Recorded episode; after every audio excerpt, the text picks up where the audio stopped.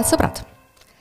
suur rõõm on täna mul juttu ajada saates Vaim Vardas kommunikatsiooniekspert, strateegilise kommunikatsiooni asjatundja ja filmirežissööri Ilmar Raagiga, kelle nimi tegelikult laiemat tutvustamist ei vaja, aga kuna Vaim Vardas saatejuhiga Vilja Kiisler on selline natukene rahulikum formaat, siis ma tuletaksin siiski kuulajale meelde, et tegemist on režissööriga, kes on andnud Eestile sellised filmid nagu Kertu, eestlanna Pariisis ja muidugi Klass, peagi on tulemas siis Eerik Kivisüda, ma saan aru, sellega on, vist läheb veel natukene aega. ja tahaksin tuletada kuulajale meelde ka seda, et tegemist on strateegilise kommunikatsiooni eksperdiga, kes on nõu andnud ka valitsusele ja kindlasti vaatab tänaseid sündmusi Narvas mõne natukene professionaalsema pilguga kui meie kõik ja kindlasti kujutab ette, mis toimub nende inimeste peades, kes neid otsuseid langetasid, kelle taktikepi järgi siis praegu sündmused toimuvad.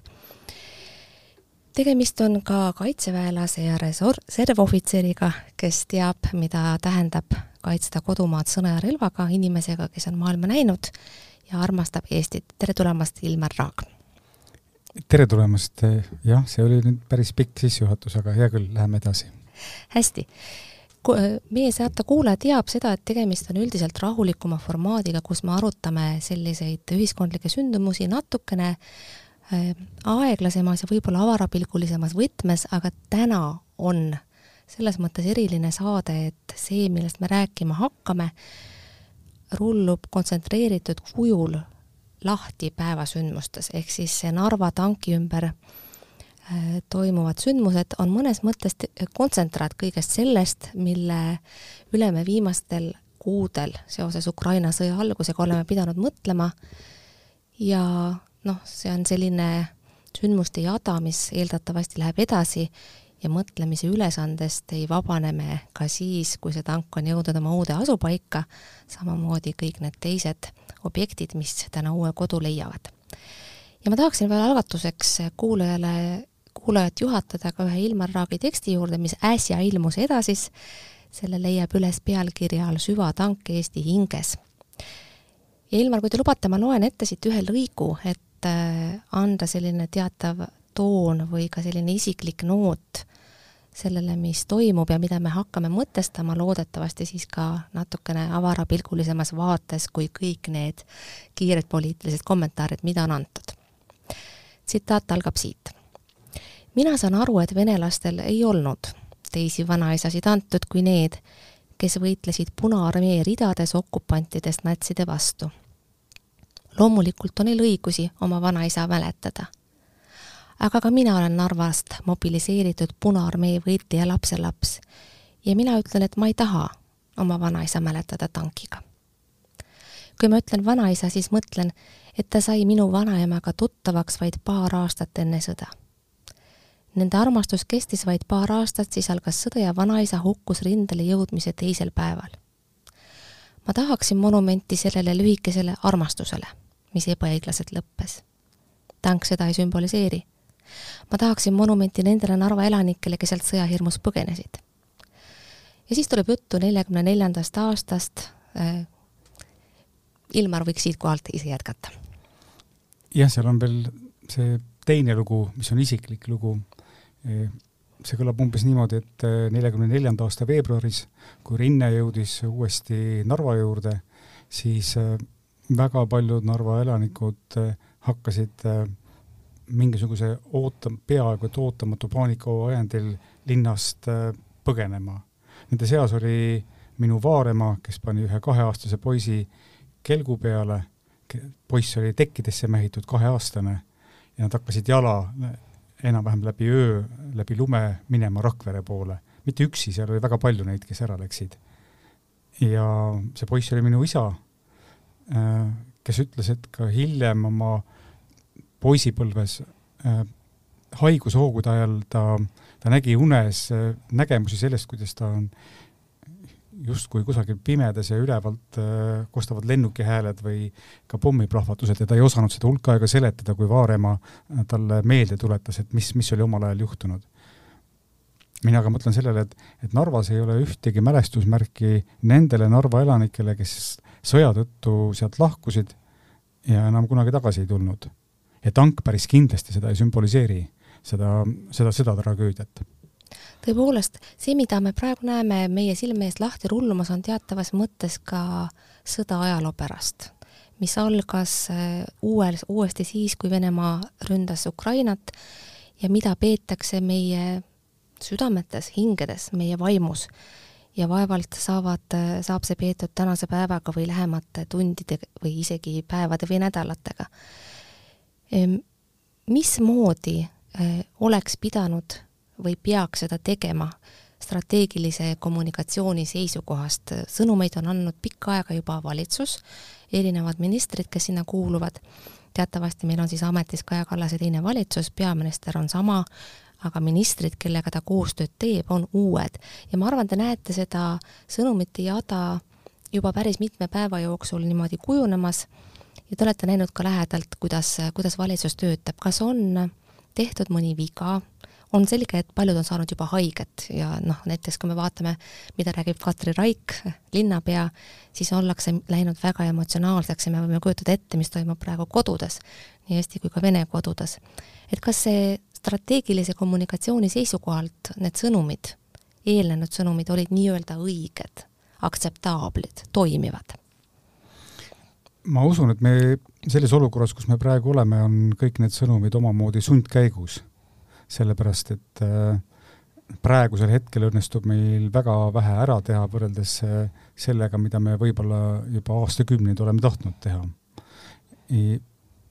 laias laastus oli ju Eesti selline suur strateegia enam-vähem üheksakümnendatest aastatest saadik äh, nii vaikne kooselu õppimine, kus tegelikult ühest küljest võeti vastu kodakondsusseadus, mis, mis venelastele ütles, et ega te ei ole siin väga armastatud, aga teisest küljest jäeti neile alles eraldi vene kool äh,, ilmusid venekeelsed äh, ajalehed, töötasid venekeelsed raadiod äh, ja nii edasi ja nii edasi eh,.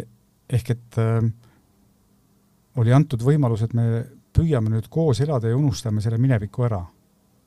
ja kui me vaatame integratsiooni monitooringut või erinevatel aegadel läbi viidud uuringuid, siis on tegelikult näha, kuidas sammhaaval tegelikult äh, need kaks kogu, kogukonda on järjest äh, tihedamalt hakanud läbi käima või, või õppinud koos elama.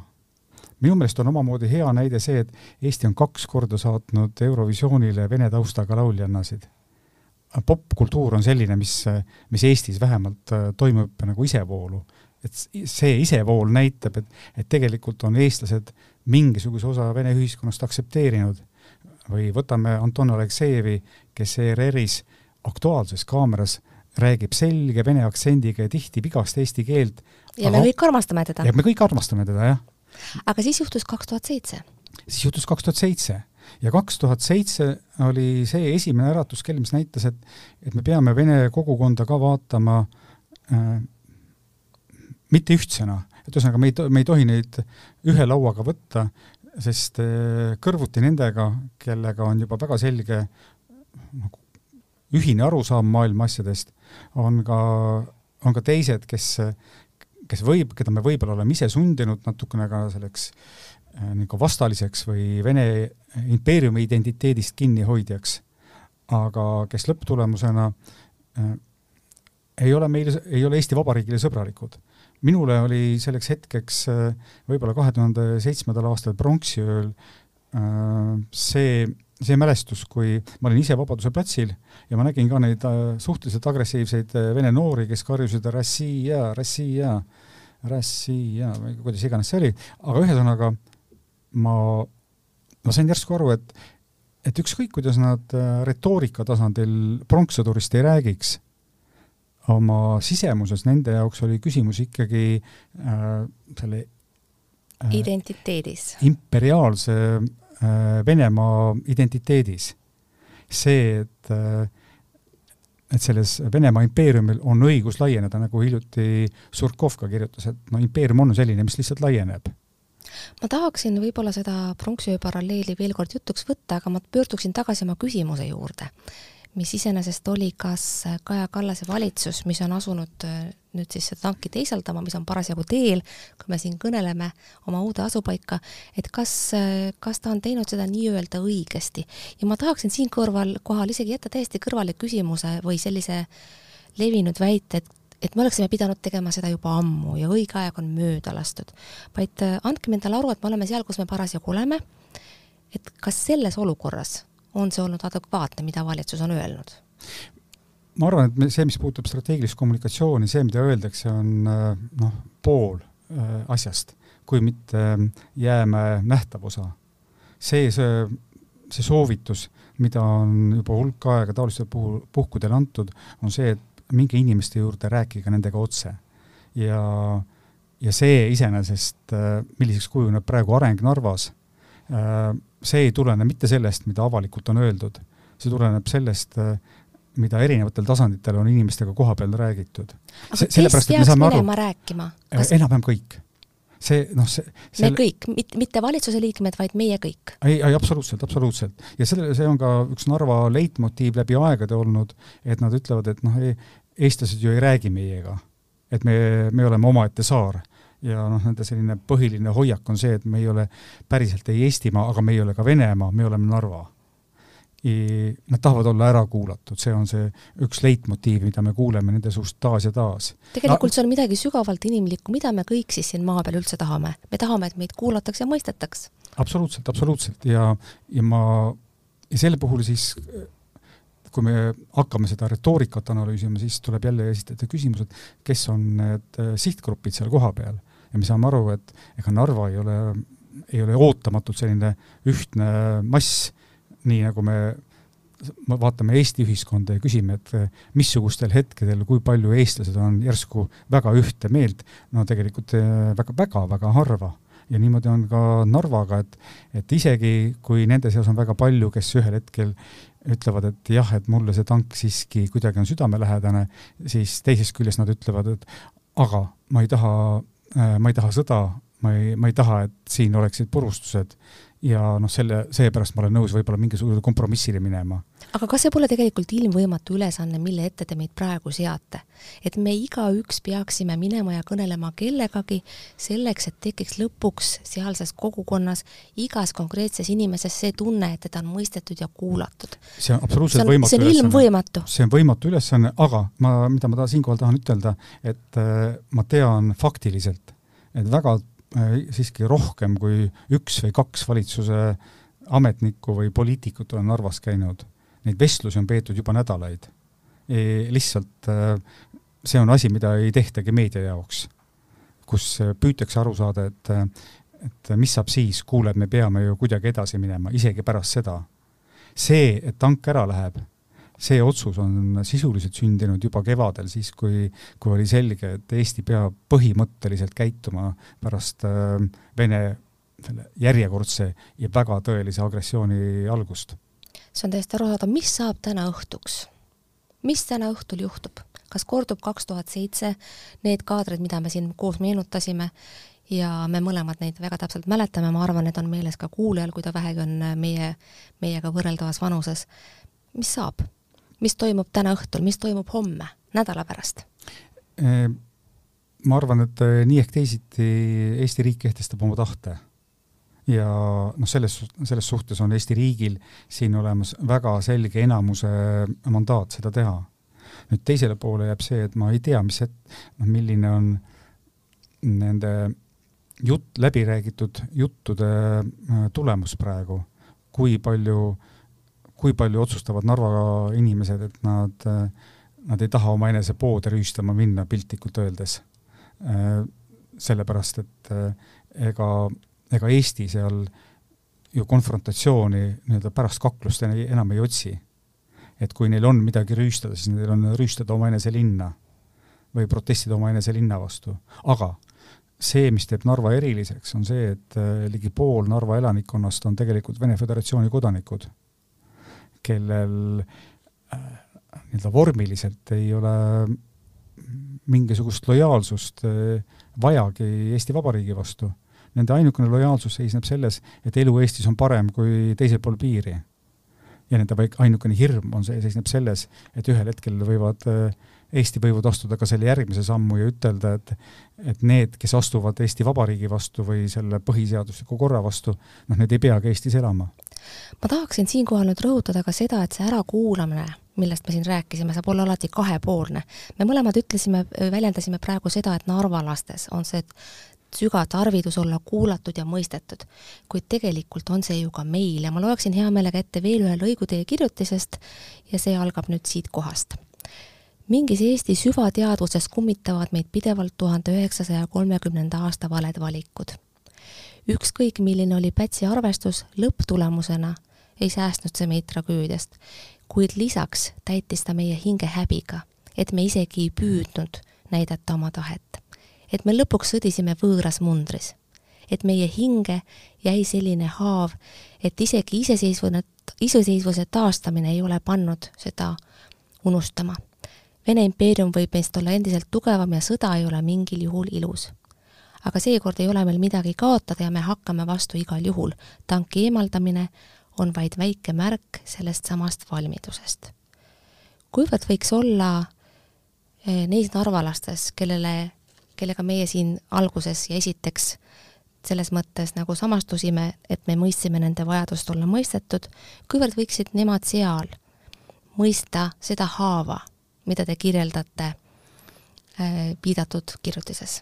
ma arvan, et see on praeguseks hetkeks äh, üks peamisi küsimusi selles tähenduses, et äh, et Narva sõjaga muutus tank jälle põhimõtteliseks küsimuseks. Ehk et kui meie jaoks oli tank juba enne sümboliseerinud seda impeeriumi vallutust, ja oli sümboliseerinud ka kogu seda kannatust, äh, mida sai tundma kogu Ida-Euroopa, siis me pikka aega ju lootsime, et noh, võib-olla see jääb ajalukku ja me võime vaadata sellele tagasi kerge muigega, et no näed, impeerium tahtis laieneda. aga praegusel hetkel äh, tekib küsimus, et kui, kui Eestis elavad inimesed ei tunnista seda empaatiliselt, neid kannatusi, siis see tegelikult tähendab seda, et nad on valmis heaks kiitma ka uusi kannatusi, mida seesama impeerium ette võtab. ja, ja see on nüüd nagu see koht, kus me, kus me tõmbame piiri, kus me ütleme, siit me ei saa kompromissi rohkem teha. ehk et kui, kui keegi vabastab tütarlapse tapja käest, aga seejärel vägistab ta, siis me ei saa rääkida pärast seda ainult äh, rõõmust, et tapja käest pääses. see on väga täpne ja mõjuv kujund minu meelest äh, ajaloo kokkuvõtmiseks, mille kaudu siis võiks loodetavasti, ma ohkan siinkohal, sest äh, ma tean, et seda lootust võib-olla väga palju ei ole, siiski teatav mõistmine sündida. Ma tahaksin teiega natukene rääkida ka Andrei Hvostovi täna ilmunud kirjutisest, mis minu meelest on sama palju lugemist väärt kui juba viidatud teie artikkel Edasis ja Andrei Vostov kirjutab seal sellest, et tegelikult ei ole tegemist mingisuguse suvalise tankiga või üleüldse mitte ainult tankiga, vaid nii-öelda kuldvasikaga ja ta asetab selle toimuva ühemõtteliselt religioossesse konteksti. ja mulle tundub selline võrdlemine äh, väga asjakohane ja täpne, sest äh, ajaloo mõistmisel ja monumentide paigutamisel ja nende äraviimisel äh, selline religioosne viitestik minu meelest on omal kohal. ja siis ütleb Hvostov päris irooniliselt lõpetuseks. loodan väga, et meile antakse mõne kosmilise asteroidi või komeedi langemisel maasle piisavalt armuaega, et järele jäänud tundidega Maarjamäe monument kõrvaldada ja kogu see mägi Soome lahte kanda. peame keskenduma ühisele tulevikule, tänane otsus aitab fookust hoida kõige olulisematel ülesannetel, milleks on Eesti julgeoleku kindlustamine ja iga Eesti inimese toimetulek. Taara ja Vanemuise nimel ei ole Eesti Vabariigis kahe tuhande kahekümne teisel aastal Narva tankist tähtsamat küsimust ei ole. See iroonia loomulikult jõuab teile pärale ja ma olen päris kindel, et see jõuab ka lugejale pärale, aga noh, see religioosne viitestik siinkohal võib-olla aitab ka selgitada, miks kogu selles äh, ettevõtmises ja selle mõistmisel esineb nii palju irratsionaalset. on see nii? jaa, ei abs-, absoluutselt, noh, kokkuvõttes, kui me räägime identiteedist, siis kõik otsused, mille, mis tehakse selle põhjal, ongi laias laastus irratsionaalsed, sellepärast et sotsiaalpsühholoogiliselt ei ole inimesele peaaegu et ei ole tähtsamat tunnet kui kuuluvustunne mingisse kogukonda.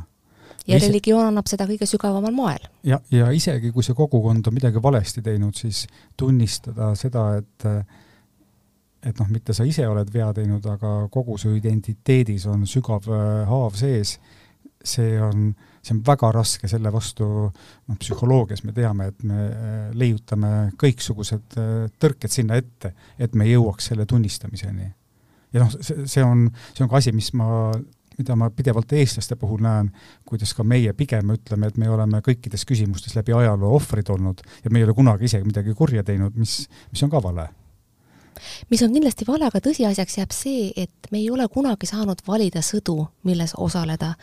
Ja sedasama Fostovi kirjutist lugedes mõtlesin ma selle peale, et tegelikult ei ole nii väikestel riikidel nagu Eesti kunagi ka seda valikut, missugustes ususõdades olgu siis jutumärkides või ilma, osaleda. ja ma arvan ka, et teatavas mõttes ei ole ju praegusel Eesti valitsusel ka mingeid valikuvõimalusi et ei, ma arvan seda küll ja, aga kui me räägime nüüd siis nagu sellest iroonia poolest, et mis on Eesti Vabariigis hetkel kõige tähtsam küsimus, siis äh, noh, see on nüüd äh, äh, nii-öelda mulje äh, ja tegelikkuse lahknevus, kui, kui vaatame, kuhu paigutab Eesti Vabariik praegu oma ressursse, siis nende punamonumentide kõrvaldamisse paigutatud ressursid on tegelikult suhteliselt väikesed kõikide muude tegevuste kõrval, me, mida Eesti riik tegelikult teeb. niimoodi, et mida kiiremini me saame selle tegevuse laualt maha, seda enam me saame siis nagu põhiküsimuse juurde tõepoolest tagasi minna, milleks noh, sõltuvalt äh, maitsest võib-olla kas äh, energiakriis, jätkuv tegelikult äh, Ukraina kriis, mille nii-öelda kaugemale ulatuvaid mõjusid me võib-olla praegu veel ettegi ei näe. Aga ikkagi seesama identiteedi ja haavade küsimus, see ei parane ühe monumendi liigutamisest, nende paranemine võtab aega ja kui inimene saab minna psühholoogi juurde, siis terved riigid ja rahvad ja näiteks üks linn või siis üks pisikene riik ei saa korraga pöörduda kellegi poole ja öelda, et, et ma soovin, et mu haavad õmmeldaks kinni et mulle antakse hingeabi. mina usun, et äh, läbi selle, et äh, punamonumendid eemaldatakse äh,, muutuva, avaneb eestlastele palju suurem võimalus olla suuremeelne. Seni oli, see ohver ei ole kunagi suuremeelne ohver ei saa ütelda, et äh, noh, kuna te sa mind peksate, siis palun väga, te võite mind veel peksta. aga see, kes on, äh, kes on nagu kord oma nagu väärtusest kinni pidanud, äh, väärtustest või aust kinni pidanud, sellel on võimalus ka seal mõni suurem samm astuda, noh, kuni sellise kristliku teise pose ettekeeramiseni. aga selleks tuleb see väärikus või au endale alles jätta ja selles suhtes ma arvan, et äh, taoliste monumentide eemaldamine tõepoolest või pikemas perspektiivis meile anda selle tee, kus me, kus me nendega, kes soovivad äh, siin Eestimaal meiega sama teed käia, saame, saame paremini läbi. sellepärast, et noh, tegelikult on ju ka vene kogukonnas päris omajagu inimesi, kes, kes on meile väga sarnased, kes mõtlevad samamoodi, kes näevad ka ajalugu täpselt samamoodi. Üt-, ma toon nagu sellise mõtte, et kui märtsikuus räägiti, et Levada tsentrumi uuringu järgi kaheksakümmend protsenti venelastest kiidab heaks äh, seda sõjalist erioperatsiooni Ukrainas, siis tundus, et jah, kogu Venemaa on järelikult Putini käpa all, noh praeguseks me näeme, et need protsendid hakkavad murenema, aga isegi kui me võtame tolle hetke, kakskümmend protsenti, kes olid selle sõja vastu, võib-olla erinevatel põhjustel, ja paneme selle Venemaa elanikkonna sisse siis me saame kätte umbes numbri kakskümmend viis, kolmkümmend miljonit inimest, kes tegelikult on meie sõbrad, kellega meil on nagu võimalik midagi ühiselt äh, ajada. rääkimata siis Eestis elavatest venelastest, kus need protsendid on palju, palju ilusamad ja palju lootust andvad? Äh, jah, ehkki Eestis on noh, see teatud polariseerumine natukene karmim veel, sellepärast et äh, nii, nagu tihtipeale juhtub äh, siis migreerunud kogukondadega või nagu eemale jäänud kogukondadega, nagu väliskogukondadega, siis tihtipeale on nad konservatiivsemad äh, radikaliseerunumad kui, kui see päris kodu, kodukogukond. Seda me oleme ka näinud ka Eestis, kus, tähendab, Eesti-Vene kogukonna ja äh, siis näit-, selle valimiste näite varal, kus äh, Eestis elavad venelased hääletavad niimoodi, nagu hääletavad Venemaal Vene provintside elanikkonnad, pigem konservatiivselt. vastandina võib-olla siis sellisele liberaalsemale äh, või rohkem kosmopoliitsematele suurlinnadele. arusaadav. Ma tahaksin veel lõpetuse korras pöörduda ka täitsa konkreetsest päevasündmusest eemale ja vaadata natukene ka sellist laiemat pilti, aga enne veel, te, Ilmar, olete reservohvitser kui sõda jõuab siia, siis teil on konkreetsed sõjaülesanded ilmselt, millega te hakkate tegelema. kas sellest on võimalik natuke rääkida? missugused need on? mida te teete päeval, mil me loodame, et seda ei tule, aga me ju keegi ei saa seda välistada? sel puhul on oluline see, et, et see kriis võib olla väga eri, eriilmeline ja et need plaanid, mis meil on praegu, ei pruugi sel hetkel nagu paika pidada. et äh, nii-öelda baasteadmiselt olen ma kaitseliitlane ja kaitseliitlasena on, on minu piirkond Tallinn. ja teistpidi ma mäletan ühte vestlust oma heade sõpradega äh, Peterburi ligidal, sellest ajast, kui ma seal filmi tegin, istusime kord siis äh, õhtul köögis, kus maailma asju arutatakse ja korraks tuli juttu, see oli kaks tuhat kaksteist, et mida siis, äh, mida, mis siis saab, kui Eestimaa ja Venemaa mingisuguses sõjalises konfliktis satuvad vastaspooltele. ja ma siis vastasin, et noh, ilmselt mina saan surma, sellepärast et äh, ma tean, et ma esimestel päevadel võtan relva ja lähen sinna kuhugi, kuhu vaja. ja kui see oli ära öeldud, tekkis vaikus, nemad vaatasid mulle jahmunult otsa ja ma ise mõtlesin järele, et et ma olin selle ära öelnud kui kindla teadmise aga ma ei olnud selle peale nagu tunnetuslikult ette mõelnud. aga nüüd te olete, mismoodi see tundub? ma olen leppinud selle võimalusega, et see võib tõepoolest niimoodi olla, ehkki nagu see, mis mulle Eesti kaitseväelasest väljaõppest eh, väga meeldinud või mis avaldas väga muljet, et ma olen ju käinud Nõukogude armee sajateenistuses samuti, oli see, et eh, kõige esimesel kokkupuutel Eesti Kaitseväega õpetati, et teie ülesanne ei ole mitte kangelaslikult ära surra, just, seda ma oleksin tahtnud just, just küsidagi, et teie valmistate surema, aga tegelikult see ei ole üldse eesmärk. absoluutselt, eesmärk on ellu jääda ja ülesanne täita. ehk siis? aga tõsi on see, et äh, ja mida me näeme jällegi Ukraina äh, näitel, sellist hõbekuuli ei ole. Ja sõda ei muutu iial nii ühetähenduslikult äh, ilusalt kangelaslikuks, kus, kus me oma ratsaväega ra kiiresti tormame üle vaenlase, kes juba põgeneb. Siit tahakski vii-, jõuda natukene laiema pildi juurde, te viitasite juba ka, et eestlastel on kombeks esitada ennast ajaloos alati ohvritena. Ja meil praegu käimasolevas sõjas on väga selge, et Venemaa on agressorriik ja Ukraina on see, kelle võitu me ootame, ja me oleme alati Ukraina poolt, isegi võib-olla nendel hetkedel, kui kui ka seal toimub midagi säärast, mis meile ei meeldi, me olime kõik väga pahased, kui Amnesty International nimeline organisatsioon oma raportis hittis äh, Ukrainale üht-teist sõjapidamise viisis ette. ja sõjal on omane muuta kõik mustvalgeks. kes on poolt, on meie oma, kes on vastu ja nii edasi. kui kaua läheb aega, et me sellest mustvalgest vastandamisest, nii-öelda lauaga löömisest jälle välja tuleksime ja maailm muutuks värviliseks no me teame läbi ajaloo, et selleks läheb äh, enam-vähem üks põlvkond. ehk siis umbes Vä vähemalt üks põlvkond, kui asju lahendatakse halvasti, siis palju-palju äh, põlvkondi. ma mäletan, üks äh, Briti ohvitser ütles kunagi Iraagi sõja alguses, et kui me kõik teeme siin õigesti, siis võib-olla läheb hästi viiekümne aasta pärast. kui me teeme halvasti, siis tunduvalt kauem. ja nüüd selle Ukraina puhul need, kes on kokku puutunud äh, sõdade või relvastatud konfliktidega, teavad, et et see kohapealne olukord ei ole kunagi must ja valge. Ta on alati vastuoluline ja nõuab tihtipeale eetiliste kompromisside tegemist selleks, et noh, lõpuks jõuda selle, sellele tulemuseni, kuhu, kuhu me soovime jõuda. me teame, et sõdade tulemusena tihtipeale, noh, peaaegu reeglina tekib äh, tagalas äh, must turg, spekuleerimine, kuritegevus äh, ja no igal juhul tagalas olevad inimesed kannatavad samuti. Niimoodi, et tihtipeale need, kellele, kelle läbi nad kannatavad, võivad olla nende enda rahvuskaaslased. aga selle olukorra on ikkagi põhjustanud agressor, kes on maale tulnud.